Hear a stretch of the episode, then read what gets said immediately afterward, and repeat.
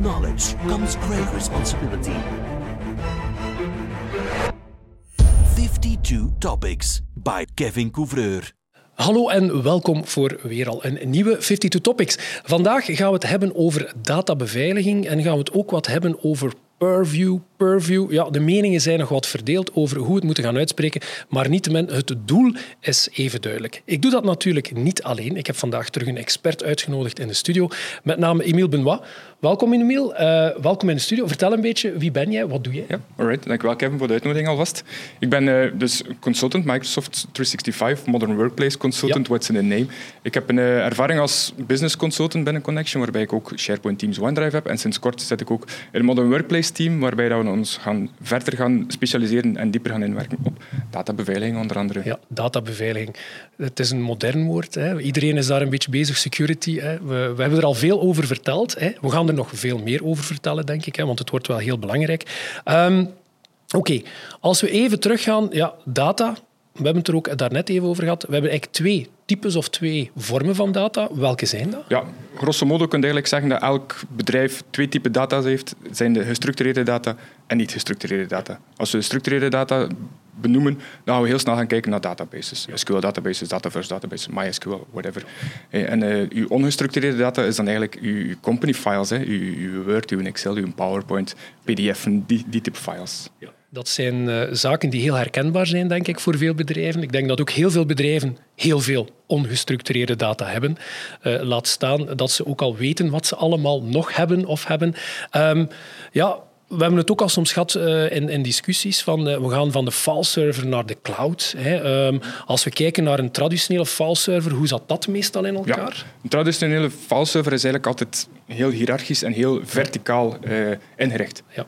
u, hebt uw hoofdmap, je hebt dan een submapje, submapje en als je chance hebt, heb je daar al je bestand. Ja. Anders moet je nog wat dieper gaan zoeken. Terwijl we eigenlijk gaan, als we gaan kijken naar, naar een mooie, moderne SharePoint Teams-omgeving, dat we heel horizontaal gaan werken. We gaan echt onze folders of sites in, in dit geval, eigenlijk naast elkaar gaan plaatsen, waarbij dat we de rechten niet laten afhangen van het bovenliggende of het naastliggende ja, ja. Uh, item, om het zo te zeggen. En uh, uit jouw ervaring, als we kijken vanuit een, een verticale filestructuur en we kijken naar een horizontale filestructuur, als we, als we dat dan bekijken in het dagelijkse werken, wat zijn de voordelen dat je, dat je daar kunt uithalen om inderdaad verticaal te gaan werken in plaats van horizontaal?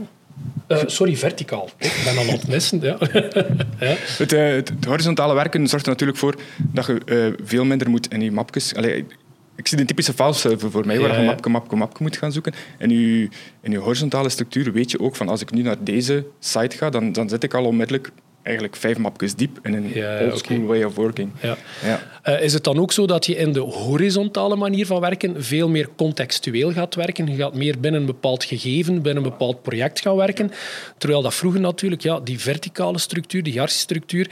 Ik herinner mij nog ook in die situaties van ja, ja, ik heb geen toegang tot die map, maar ik heb toch wel dat bestandje nodig die daaronder staat. En dat wordt dan natuurlijk ook wel een groot probleem qua security. Voilà. ook uh, kluwen, hè. En dan moet je eigenlijk op het bovenliggende map toegang geven en dan onderliggende mappen allemaal terug gaan afschermen, het ene mapje terug openzetten en dan ja, afhankelijk van je structuur, nog dieper, nog dieper, nog dieper. Dus zeker als het complexer werd, hè, als het groter werd, dan was dat voor IT, hè, persoonlijke ervaring, hè, was dat zeker wel een uitdaging om dat goed te gaan doen. Is het dan ook zo dat die, die moeilijkheid hè, om dat te gaan beheren in een horizontale structuur ook voor een stuk wegvalt, of gebeurt dat gewoon op een andere manier? Het gebeurt op een andere manier. We gaan veel eerder gaan inzetten op groepen en lidmaatschappen van groepen. Oké. Dus als je, als je lid bent van het ene departement of van de ene Office 365-groep, kan je toegang krijgen tot een andere 365-groep. En dat gaat altijd over groepen, groepen die onderling met elkaar verbonden zijn. Ja. Dus we gaan ook meer gaan spreken over rollen en groepen en dergelijke meer. En in functie van die groep of die rol waarin je bevindt, ga je zaken kunnen of niet kunnen. Dat is een beetje het verhaal. Oké. Waar we ook, eh, het grote verschil met een fileserver, we gaan ook door die horizontale structuur veel minder gaan overerven van rechten gaan, okay. uh, gaan configureren. Die, die, die blokken, uh, sites, die krijgen echt aparte rechten, zonder dat die moeten rechten moeten gaan breken worden, overheffing moet gebroken worden. Ja. Is het ook zo dat de gebruikers zelf of owners van bepaalde sites daar wat meer vrijheid hebben om ook te kunnen kiezen wie toegang geeft of hoe lang iemand toegang geeft tot bepaalde zaken? afhankelijk van de business case natuurlijk en afhankelijk van uw klant, afhankelijk van de, uh, de, de, hoe moet ik dat zeggen, de digitale uh, omgeving en digitale maturiteit, mooi woord daar. Ja, ja. Uh, ja het wel, uh, je site owners, heette dat dan. Je kunt je site owners wel meer in controle zetten van de security, van de toegangen tot zijn of haar specifiek onderdeel op, op een SharePoint-omgeving. Natuurlijk moeten we opletten, want we komen al zo op het domein van purview, van eigenlijk al iets geavanceerder omgaan met wie, wat, waar en hoe. We hebben traditionele rollen, we kunnen lezen en we kunnen schrijven. Eigenlijk kwam daar het eigenlijk een beetje op neer, dat is onze traditionele manier. Um, als we dan kijken, ja, als ik purview in de mond ga nemen, uh, Emiel, wat moet ik daar eigenlijk onder verstaan, zonder niet te technisch te gaan? Wat, wat wil Microsoft daar eigenlijk een stukje mee doen, als extra laag misschien? Ja, voilà. Dus, dus Purview is, is, zoals net in de aankondiging ook gebracht, uh, een set aan tools binnen de Microsoft 365-omgeving. De meest gekende daarin zijn de labels, die gaan we straks wel een keer dieper gaan inleggen. Maar je kunt eigenlijk je Purview gezien als een extra laag van security voor uw insiders. Dus, dus, bedrijven hebben jaren en een stuk ondertussen uh, de, de, toegang tot hun netwerk, de toegang tot hun data zo goed mogelijk beveiligd met antivirus, VPN's, uh, eh, two-factor authentication, conditional access, alle mogelijke termen die ook in mijn afdeling zitten trouwens. uh, maar eens dat een persoon binnen al zit, zijn de uw medewerkers. Wat doen we daarmee? Hoe kunnen we daar onze security nog veiliger gaan zetten? Los van of dat hij daar nu in de juiste groep zit of niet in de juiste groep zit. Dus uiteindelijk, als ik het goed begrijp, is dat security die ja, buiten dat traditionele, zoals je daarnet ook zei, het feit dat we inderdaad, we hebben onze perimeter beveiligd, we hebben ervoor gezorgd dat onze burcht naar buiten goed beveiligd is. Goed beveiligd is, we kunnen er niet aan. Maar natuurlijk, je zei het daarnet ook in het begin, ja, we zijn de mobiele werkplek. Ja, met mobiel ja, gaan we ervan uit dat mensen en toestellen veel ja, organischer en, en, en ja, gaan gaan wisselen. Hè. Want ik werk op mijn laptop, ik werk op mijn smartphone, ik werk op mijn tablet. Een tabletje liggen waarschijnlijk. Voilà. voilà. Dus ja, dus daar wordt ook een uitdaging. En in die zin natuurlijk ook, ja, wat doen? Eigenlijk is de bedoeling dat we meer gaan weten of kunnen achterhalen wat onze gebruikers aan het doen zijn. Ja, heeft, begrijp ik het juist? Het heeft eigenlijk twee luiken. Hè. Je hebt je, hebt je purview zijnde, ik wil gewoon weten wat er aan het gebeuren is in mijn omgeving. En ik, ik heb een tweede luik zijnde, ik wil er acties op ondernemen. Afhankelijk van je licenties kan je actie 1 of actie 2 nemen. Daar gaan we niet dieper op in vandaag. Um, maar je kunt heel mooie dashboards gaan creëren van oké, welke data leeft er eigenlijk nu op mijn Microsoft okay. 365? Waar staat die data? Staat die hoofdzakelijk op een SharePoint? Staat die hoofdzakelijk op een Teams? Staat die hoofdzakelijk op een OneDrive? En op die manier kun je eigenlijk een heel mooi dashboard gaan creëren, puur gericht op je Office of op je data, uh, ongestructureerde data in je Microsoft 365-omgeving. We gaan nu even terugkomen. Waarom zou dat belangrijk zijn dat we dat eigenlijk doen? Want waar liggen eigenlijk een stukje die gevaren waar dat we misschien vandaag geen rekening mee houden? Een, een, een typisch verhaal, verhaal bij, bij een SharePoint Teams-omgeving is dat het losgelaten wordt op je, op je medewerkers. Teams is er plots gekomen, het was, het was corona, Teams is plots gekomen, er zijn teams aangemaakt geweest, er zijn zaken gedeeld geweest. En het is ook mogelijk om als eindgebruiker of als medewerker zelf zaken verder te gaan delen. Het is niet omdat je een bepaalde site de toegang hebt beperkt voor één persoon, dat die ene persoon het niet verder kan gaan delen. en verder, gaan, delen, en verder gaan delen. En dat is zo'n typische verhaal. En dan hebben we eigenlijk de purview die, daar, eh, die daarbij komt te kijken, als extra laag beveiliging, waarbij dat we ook gewoon op documentniveau encryptie kunnen gaan voorzien en een document aan zich gaan beveiligen. Niet de plaats waar het stond, het document aan zich. Ah, dat is wel een belangrijke. Hè? Dus inderdaad, vroeger beveiligden we een plaats, een locatie. En nu gaan we inderdaad ja, het document zelf, het Word-documentje, het Excel-document, extra gaan beveiligen? Ja, het is eigenlijk een extra laag. Het is een extra laag beveiliging. Het is echt een encryptie die enkel kan ontcrypt worden, decrypt worden eigenlijk, afhankelijk van uw instellingen door ontvanger. Door, uh, en als we dat dan vertalen naar onze mobiele werkplek, hè, of moderne werkplek, om het zo te zeggen, als dat document waar het zich dan bevindt, binnen de organisatie, buiten de organisatie, heeft dat document eigenlijk nog altijd die veiligheid mee. Nog altijd die veiligheid. En weet dat document wat het mag of niet mag? Ja, Dat is eigenlijk, dat is, eigenlijk dat is het volledige verhaal van... En dan hebben we het over, uiteraard over de labeling en de, de, de, de, acties verbonden aan een bepaald label uh, in, de, in de purview. Dus dat is eigenlijk weer een stap verder. Het voordeel dan, denk ik, als ik het document zelf kan beveiligen en ik weet hoe dat ik omga met mijn mhm. documenten dan heb ik wat minder stress, denk ik, dat iets verkeerd zou gebruikt worden. Of... Ik denk dat dat eigenlijk een beetje de gemoedsrust zou moeten zijn. Zeker voor uw IT-afdeling. Een SharePoint-omgeving, een Teams-omgeving, als die default opgezet is, kan er heel veel voor in eindgebruik. Wat ook de luxe is van een Teams-omgeving. De eindgebruiker heeft heel veel vrijheid, maar er kan ook heel veel fout lopen. Bedoeld, onbedoeld. En het is denk ik ook weer, als we naar security kijken, het is weer die balans vinden tussen die vrijheid dat de gebruiker nodig heeft. Hè? Want ja, we willen ook niet hebben dat een gebruiker andere tools gaat beginnen zoeken om documenten te delen, te verspreiden. Dus we willen het ook zoveel mogelijk binnen het ecosysteem kunnen gebruiken. Hè? Want ja, als we weer beginnen met Dropbox en WeTransfer en andere tools, hè, dan proberen we te vermijden, want dan is het gek van de dam natuurlijk. Hè? Want dan zijn uw documenten overal, overal verspreid. Ja. Ja. ja, dat is een goeie. Maar dat was labeling. Hè. En als we kijken naar die labeling, hoe gaat dat in zijn werk? Of, of wat moet ik verstaan onder labeling? Eigenlijk? Het begint eigenlijk weer opnieuw met te gaan kijken welke data heb ik? Welke, welke type data heb ik? Welke type data wil ik ook gaan beveiligen? Welke is mijn sensitieve data? Welke is mijn gevoelige data? Welke data mag er niet zomaar verspreid worden? Of welke data heeft er bepaalde policies of regeltjes nodig? Ja, ja. Dan gaan we daar tegenover de labels gaan zetten. Op welke manier ga ik gaan beveiligen? Wij wij binnen Connection hebben een viertal um, labeltjes als standaard, hè, waarbij dat we zeggen van dit document is confidentieel, enkel tussen jou en mij. Ja. Dit document is enkel intern, enkel voor mensen met een ad connection adres. Ja, okay. Je kunt ook kiezen voor een extern beperkt uh, labeltje, waarbij dat ik, ik van Connection naar een externe partij zou kunnen sturen, maar enkel de externe partij kan openen met zijn juiste credentials met zijn juiste e-mailadres, het e-mailadres die ook het document heeft ontvangen. Of het kan ook zijn, het is een publiek document. Ja, dus iedereen kan er eigenlijk iedereen kan het, iedereen, iedereen, kan er zijn ding mee doen. En afhankelijk van het label kan je bepaalde acties gaan koppelen. Oké. Zo zou je bepaalde confidentiële data, die het labeltje confidentieel hebben, zou je kunnen beperken in uh, wie mag het gaan openen binnen het bedrijf. Dat heb ik daarnet al toegelicht. Maar zou ook kunnen zeggen, die mag het enkel gaan lezen. Hij mag het niet gaan printen, er kunnen geen screenshots van genomen worden. Dus afhankelijk weer een beetje van uw, van uw business case kun je gaan kiezen om bepaalde acties te koppelen. Data loss prevention heet dat dan. Het voorkomen, woorden, ja, ik moest dat ook zeggen van Microsoft. Data loss prevention zegt de, de, het voorkomen dat bepaalde data uw omgeving verlaat of dat het verliest. Verlaten, verwijderen, onbedoeld ja, doorsturen naar andere mensen. Ook natuurlijk ja, soms gevoelige informatie. Ik denk dan ook GDPR-informatie, privacy-gevoelige informatie, IP-informatie. Ehm, ja, die labels toekennen, is dat iets dat wij manueel doen? Gaat dat automatisch? Uh... Weer afhankelijk van de, de, de, de licentie of de, de add-on dat je erbij neemt, uh, kan je kiezen voor manueel of automatisch. Ja. Eh, bij het manuele zal het bedrijf een aantal labels te beschikking stellen van de eindgebruiker. En de eindgebruiker zal zelf gaan bepalen, oké, dit document is nu uh, extern beperkt. Dus ik kan het delen met mijn klant en that's it. Ja. Maar de gebruiker bepaalt het. De gebruiker betaalt het. Ja. bepaalt het. Ja. Bepaalt het. Bepaalt het, bepaalt het, ja. Het bedrijf betaalt het. Ja, De andere optie is natuurlijk dat je kiest voor een automatisatie, een, een automatische labeling. En dan kunnen we binnen uw purview eigenlijk uh, op basis van data die voorkomt in uw document. Bijvoorbeeld zou ik kunnen zeggen, elke keer als ik een Rijksregisternummer zie, typisch voorbeeldje, komt er een automatisch labeltje op. Oké.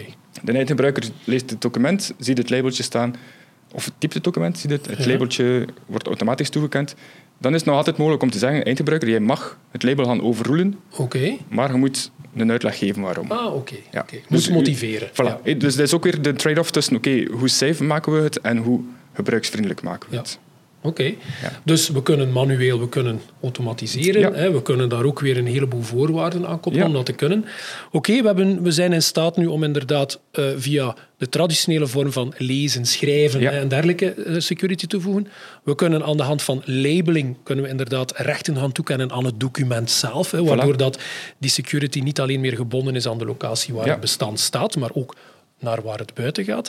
Uh, nog een kleine vraag. Kunnen alle documenten per definitie gelabeld worden of zijn daar toch ook nog een paar beperkingen aan? Kwestie van, allee, het gaat over uw Office-documenten. Voilà. Dus op dit moment, PDF, uh, uh, ondertussen is er een samenwerking met Acrobat. Ja. Dus, dus labeling is ook mogelijk in Acrobat. Opnieuw weer met de juiste licenties uit te zoeken. Maar het is ook mogelijk en men is aan het kijken om ook AutoCAD TWG-files okay, okay. ook mee te nemen, dus mee te nemen in de sensitivity labels, zoals dat dan ja, heet. sensitivity labels. Ja, een paar heel moeilijke woorden ja. eigenlijk al vandaag met de security. Wel, ja, dat is leuk. Um, oké, we hebben ons security verhaal. Maar oké, ik kan me inbeelden dat... Um, ja, alles leeft, hè. data leeft, dat is organisch. Hè. Um, zijn er ook manieren om ja, die toegang op te volgen, te weten wat wordt gedeeld, te weten ja, wat nog gedeeld is. Want ja, ik kan me inbeelden in een organisatie-e-mail. Het gaat rap, hè. ik deel een keer iets, ik deel dan nog een keer iets en nog iets. Na verloop van tijd denk ik dat ik het ook niet meer weet. Hè. Ja, ja. Het niet meer weten is eigenlijk ja, de, de slechte uitkomst van, van, een, van een niet zo secure opzet. Dus de bedoeling is echt dat we gaan kijken Uh, dat we een bepaalde governance gaan, gaan opzetten. En wat wil dat zeggen, governance? Dat we het echt gewoon gaan, gaan opvolgen. dat we eigenlijk in een soort recurring modelletje of een recurring timing gaan kijken van oké, de settings die ik nu gezet heb, of de, de, de labels die nu automatisch worden toegekend, klopt dat nog? Oké hebben we nog geen andere, is er ondertussen geen nieuwe soort data toegekomen. is er ah, geen teamsite gecreëerd geweest. Het is ook mogelijk, sinds kort eigenlijk nog maar, om labels toe te kennen aan, aan volledige Teams-omgevingen of aan een volledige SharePoint-site, waardoor dat elk document automatisch dat label gaat gaan krijgen. Dus stel dat je met een HR zit of met een finance-departement, zouden kunnen zeggen, alles wat dat in die site gebeurt, krijgt automatisch dat label. een bepaalde label. Dat label. Ja, ja, ja. oké. Ehm, had ook eens iets gelezen van access reviews en zo. Hè? Wat, wat is dat juist, access reviews? Komen we daar een beetje terug op dat in kaart brengen van wat open staat, wat niet open staat? Of? Dat zeker. Hè. Dus, de, dus een access review, dan gaan we vooral over teams gaan kijken, over Microsoft 365 groep. Dat je externen gaat in een team gaan betrekken, net zoals dat Connection doet. Met onze klanten werken we samen in teams. Een access review kun je eigenlijk gaan instellen dat uh, om de x tijd, dus pak zes maanden bijvoorbeeld, de owner van dat team een melding krijgt van ik check een keer, heeft deze externe user nog altijd toegang nodig tot deze omgeving? En in één mooi overzichtje kan je zeggen ja, nee, ja, nee, ja, nee. En op die manier zorg je er wel voor dat je data of je, je teamsomgeving um, vaak gereviewd wordt. Van, is het nog noodzakelijk dat die persoon toegang heeft? Want er komt een nieuwe medewerker en hij leest, ah, ik, voor klant X, ik zal er gewoon even mijn offerte in, insmijten en ik zie wel. Maar die heeft misschien onder achterliggend niet door dat die klant er altijd toegang toe heeft. Ja, ja. Ik denk dat dat natuurlijk ook wel de grote uitdaging is. Hè. We, we, de omgeving wordt zo groot. Hè. We werken op heel veel projecten. We werken met heel veel ongestructureerde data. Um, nog weten wat we juist hebben gedaan en wie toegang heeft, is natuurlijk in security-termen wel een gap en een, en een uitdaging, laat het ons zo zeggen. Hè. Mhm. Dus hoe beter we de oefening, de governance-oefening gaan doen, hè, hoe beter we ons kunnen beveiligen. Ik hoor u ook zeggen van ja, het, het evolueert ook constant. Hè. Dat, is iets, dat is niet iets dat stilstaat. Je moet het inderdaad moet het blijven opvolgen. Blijven opvolgen, blijven bekijken. Um, als we dan kijken, ja, data die al voor het vier of vijf jaar op je server staat, wat doen we daarmee? Want ik kan mij ook inbeelden dat ja, het is niet allemaal relevant meer. Hè. Hoe pakken we dat dan? Is dat... Dan spreken we over retention labels. Ja. dat is ook weer een, een feature van je purview, waarbij dat je bepaalde documenten van x leeftijd kunt gaan een label toekennen en weer opnieuw, net zoals bij de sensitivity labels acties gaan koppelen aan het, het specifieke label. Waarbij je bepaalde zaken kunt laten automatisch voor altijd bijhouden, of tien jaar bijhouden, ja, dan kunnen verwijderd worden. Ah, Ik denk aan projecten, bouwprojecten. Contracten, ja, andere zaken. Hè, die dat soort zaken. dus dat kunnen effectief, dus, dus eigenlijk een kunt daarin zien als een soort sensitivity label, maar het is een retention label, waarbij je acties gaat dan koppelen aan een bepaald retentiebeleid, een retentiepolicy. En daar kun je ook dan documenten automatisch laten archiveren naar een andere locatie? Of, of ja, je kunt daar dus, een stukje automatiseren of niet? Microsoft zelf die, die is nu recent gekomen. Ik denk dit kwartaal nog komt er Microsoft Backup. Microsoft, Daar wordt veel over uh, gezegd. Hè? Ja. is, uh... ja, dus dat is, dat is uh, ongoing, dat, dat, komt eraan. Wat het precies zal doen, maar het zal wel enten op, natuurlijk op de retentielabels wat precies terug, terugzetbare policy of backup policy zal zijn, dat, dat heb ik nu nog geen duidelijk gezegd op. Maar het is wel hot. Hè. Het is, data is sowieso hot. SharePoint storage loopt vol bij heel veel klanten, want de fileserver is volledig gemoved. Ja, ja, ja. De files komen altijd maar groter ook. Hè. Als we kijken naar multimedia bestanden, marketingbestanden, worden altijd maar groter. Dus er moet wel echt een, een, een data governance beleid gekomen. We gaan een praktische vraag stellen, Emiel. Mm ja, ik ben een, een, een, een KMO. Hè. Ik gebruik Microsoft 365 um, al een tijdje en ik denk dat ik dat goed doe. Ja. Hè. Uh, we gaan ervan uit. Hè. Um, wel. Hè. Al, voilà, als ik uh, zeg van oké, okay, ik wil inderdaad ja, die, die, die extra security, dat lijkt mij wel wat. Ja, ik heb contracten, ik heb, ik heb uh, gevoelige informatie, ik heb intellectuele eigendomsdocumenten. Ik wil dat inderdaad wat meer beveiligen. Um, ja, hoe start ik al zo'n project? Maar vooral uit jouw ervaring, wat zijn zo'n beetje de do's en don'ts? Hè? Ja. Uh, ja. hoe moet ik daar eigenlijk ja, hoe moet ik daar naar kijken? Eerst en vooral is het al meermaals aangezegd uh, gezegd geweest van ja, het is vooral zaak om eerst te gaan auditen. Van ja. oké, hoe ziet mijn omgeving eruit? Wat zit er in mijn omgeving? Welke type data zit er? Is het ook noodzakelijk dat elke data beveiligd wordt? Met die labeltjes? Dat is of is de, die hiërarchische eh, de SharePoint-structuur beveiliging is dat al voldoende? Dus dat is echt de, know your data. Ja. Daar, daar ga naar, naar op zoek gaan bij de klant van oké, welke data heb je? Wat wil je ermee gaan doen? Wat moet er beveiligd worden? Wat moet er niet beveiligd worden? En dat is volgens mij denk ik ook wel een grote uitdaging. Want we zijn zo gewoon van met dingen te werken dat in één keer het proces gaan opstarten van breng het een keer in kaart. Dat is dus, oeh, wat stelde je me nu van vragen? Hoeveel, of, hoeveel dubbele data heb je? We hebben, uh, vorig jaar hebben we een klant, uh, anekdootje, we hebben een klant gemoved van fileserver naar SharePoint. We hebben eerst gezegd, oké, we gaan even kijken naar alle dubbels op uw, op uw fileserver. Die klant is voor een derde gehalveerd, niet gehalveerd geweest, maar een derde minder data moeten ja. moven, omdat al de rest dubbels waren. dus, dus, dus data heeft zo'n ehm, ja, heeft een heel lange levensduur. Want eens dat er staat, staat er. Niemand zou het zich erbij zijn, want de fileserver was toch groot genoeg. Maar nu zit het op een SharePoint. En in SharePoint, daar is het wel bepaalde grenzen aan. Ja, maar ik denk, ik denk de grenzen, hè, als we kijken naar, naar de, de storage-omgeving, we hebben wel wat storage. Hè. Een terabyte op OneDrive, hè, terabyte op SharePoint. Dat zijn, allee, als ik terug even kijk naar mijn beginjaren in IT, terabytes, dat bestonden nog niet. Dat was heel uitzonderlijk. Maar ja, ik ben ook al een oude man in IT waarschijnlijk. Maar, Je ziet het niet, maar... Ja, dank je wel voor het compliment. Maar ik denk ook daar daar moeten we ook opletten. Het is ook niet oneindig. Hè. Ik denk ook naar performantie toe. Halen we ook voordelen bij hè, om dat goed te doen. Dus dat governance, die audit, is, is die eerste stap. Ja, ja en, en uh, om even verder in te pikken op wat je nog net zet, ook als we dan later gaan kijken richting Copilot. Copilot, weer, ja. ik mocht hem brengen. Ik mocht hem je brengen. mocht hem brengen, zeker en vast. Ja. Nee, als je, als je Copilot uiteindelijk gaat implementeren in je bedrijf en je medewerkers mogen beginnen Copilot gebruiken, die mogen beginnen zoeken in de data, ja, als daar data staat van vijf jaar oud waar iemand nog toevallig toegang toe heeft, dan komt dat wel daar terug naar boven. Ja. En misschien is dat niet altijd wenselijk. Ja, ja.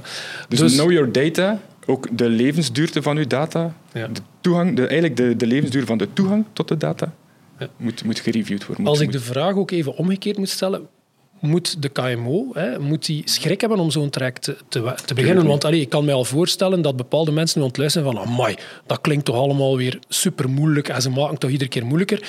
Is het dan begin bij het begin en begin bij die zaken die, die de focus moeten krijgen en groei daar ook Uiteraard, in. Hè? Ja, Uiteraard. Hè? Dus, dus als we, als we bij, een, bij een KMO gaan kijken naar de data, ja, dan gaan we heel vaak niet met zo supergevoelige uh, rijksregisternummers en met visa-kaartnummers waar automatische labeling moet. Dat is allemaal echt uh, corporate gericht, heel Amerikaans gericht ook. Als we kijken naar, naar onze gros van de klanten, dan kunnen we daar een heel voorzichtig trajectje starten met, met wat labeling. Ja. Eerst eens gaan kijken, oké, welke data heb je? Oké, heb je een aantal business cases? Ah ja, ik heb een, eh, een cv van een, van een sollicitant, wordt van HR naar de manager van de, van de unit gestuurd. Ja. Dat is een perfecte case. Die kunnen wij gaan labelen met een labeltje, al dan niet automatisch, manueel. Dus een heel, heel voorzichtig traject, maar het is ook heel interessant, het, het voortraject, opnieuw, de, de, de, de audit. Welke data heb je? Waarom heb je die data nog?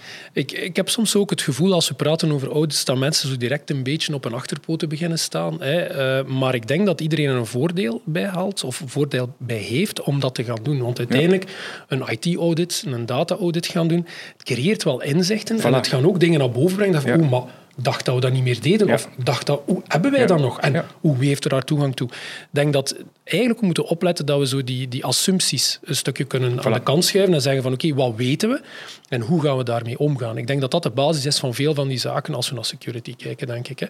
Um, oké, uh, do's en don'ts een beetje? Zijn er zaken dat je zegt van Kevin, ja, als je daaraan begint, of hoe kan ik, het anders zeggen, hoe kan ik mij als bedrijf daar een stukje voorbereiden en kan ik mij daar niet op of slecht op voorbereiden? Bijvoorbeeld? Slecht op voorbereiden is uh, alles toetimmeren. als je, als een, een consultant komt bij de klant, de klant zegt alles toetimmeren. Dat is de slechtst mogelijke oplossing. Want er gaat enorme weerstand komen tegen alles wat dat labeling is binnen uw bedrijf.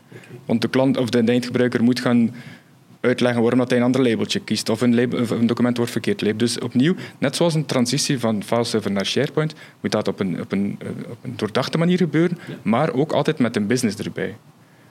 Ja, het moet een tool zijn. Hè, voilà, en als je je medewerkers erin gaat betrekken, al is het maar één of twee infosessies van dit gaat het label geven, dan gaan er heel vaak use cases naar boven komen waar je als IT'er of als C-level niet aan gedacht hebt. Of waar je als IT'er niet aan gedacht hebt. Ja. Oké. Ehm, ja, ik moet zeggen, ik vind het heel boeiende materie. Dat is ook. Uh, we hebben er al veel over gepraat. Ik denk dat we veel langer dan een kwartier, twintig minuten, een half uur kunnen babbelen over security. Maar misschien gaan we dan ook wel iets te technisch uh, in gesprek gaan. Hè, en verliezen we misschien al een heleboel mensen. Maar ik denk, bottom line, zou je nog eens kunnen herhalen hè, voor onze kijkers en luisteraars uiteindelijk van waarom dat eigenlijk data security als een ding is een meerwaarde kan zijn voor een bedrijf? Ik ga het misschien wel op flessen trekken. Ja. Maar zolang dat er geen purview is, ga je eigenlijk de locatie van je document gaan beveiligen. Het document aan zich is niet beveiligd. Oké. Als ik aan de data kan, kan ik het document pakken en kan ik ermee doen wat ik wil. Ja. Purview zorgt net voor die extra zekerheid, voor die extra security, waarbij je ook documenten kunt gaan beveiligen. Al dan niet intern, extern, eh, afhankelijk van uw, van uw policies. Ja. Uh, dus het heeft een, een, een, een grotere meerwaarde naar, naar uh, zekerheid op bepaalde files. Hey, laat ons eerlijk zijn, niet elke file hoeft zo'n label te krijgen. ja. Zij het label publiek. Ja, oké. Ja. Ja. Um, een tweede puntje daarbij is dat het ook als uh, IT'er een bepaalde gemoedslust geeft. Van, die policy staat er, hij werkt, ik mag zeker en ook als bedrijf, denk ik En als bedrijf, ja, IT-bedrijf. Ja, IT spreekt in naam van het bedrijf. Ja, ja, oké. In mijn wereld toch. Daar gaan we vanuit. Daar gaan we voilà. vanuit Dat als bedrijf inderdaad ook, je bent zeker van, we hebben die policies getest, we hebben ze opgezet, onze medewerkers weten er hoe mee te werken. Er is een veiligheid. Ja. Want opnieuw, binnen de SharePoint default settings kan men heel veel en heel vaak spontaan dingen gaan delen. Al dan niet bewust. Ja. Het is eigenlijk een stukje peace of mind, hè, denk ik dan dat je toevoegt. Hè. Je meet als bedrijf beter wat er kan, wat er niet kan. Hè. Dus we gaan niet meer uit van de assumptie. Ja, ik denk dat dat, dat daar niet nog zou... Ja. Voilà, hè, Een beetje die discussies vermijden. Um, ja, denk uh, leuke inzichten, Emiel. Ik zou je al vast willen bedanken voor uh, de inzichten. Zoals ik zei, we kunnen er lang over doorbomen, denk zeer ik. Zeker, maar, zeer zeker. Um, ja, bedrijven zou ik zeggen, start ermee. Bekijk het, ga in gesprek hoe dat je inderdaad je security, je veiligheid kunt verhogen. Hè. Uh, starten met een audit, hè, uh, om in kaart Het leukste zou zijn als we bij klanten komen en dat we kunnen zeggen van het is niet 100% nodig bij jullie, ja. maar het heeft een extra zekerheid. Ja, voilà. Ja. Oké, okay, Emiel. Dank u wel om langs te komen. Heel graag gedaan, Kevin. Uh, en ik zou zeggen, uh, misschien tot een volgende uh, veel opname als er updates zijn. Voor jullie ook, beste kijkers en luisteraars, bedankt om opnieuw ons te volgen in onze 52 Topics. Ja, ik zou zeggen, zijn er nog vragen? Willen jullie topics gaan aanbrengen? Doe dat zeker via de hashtag rode telefoon. Laat een comment na op ieder platform die er is. En ik zou zeggen, tot de volgende 52 Topics. Dag. Dag.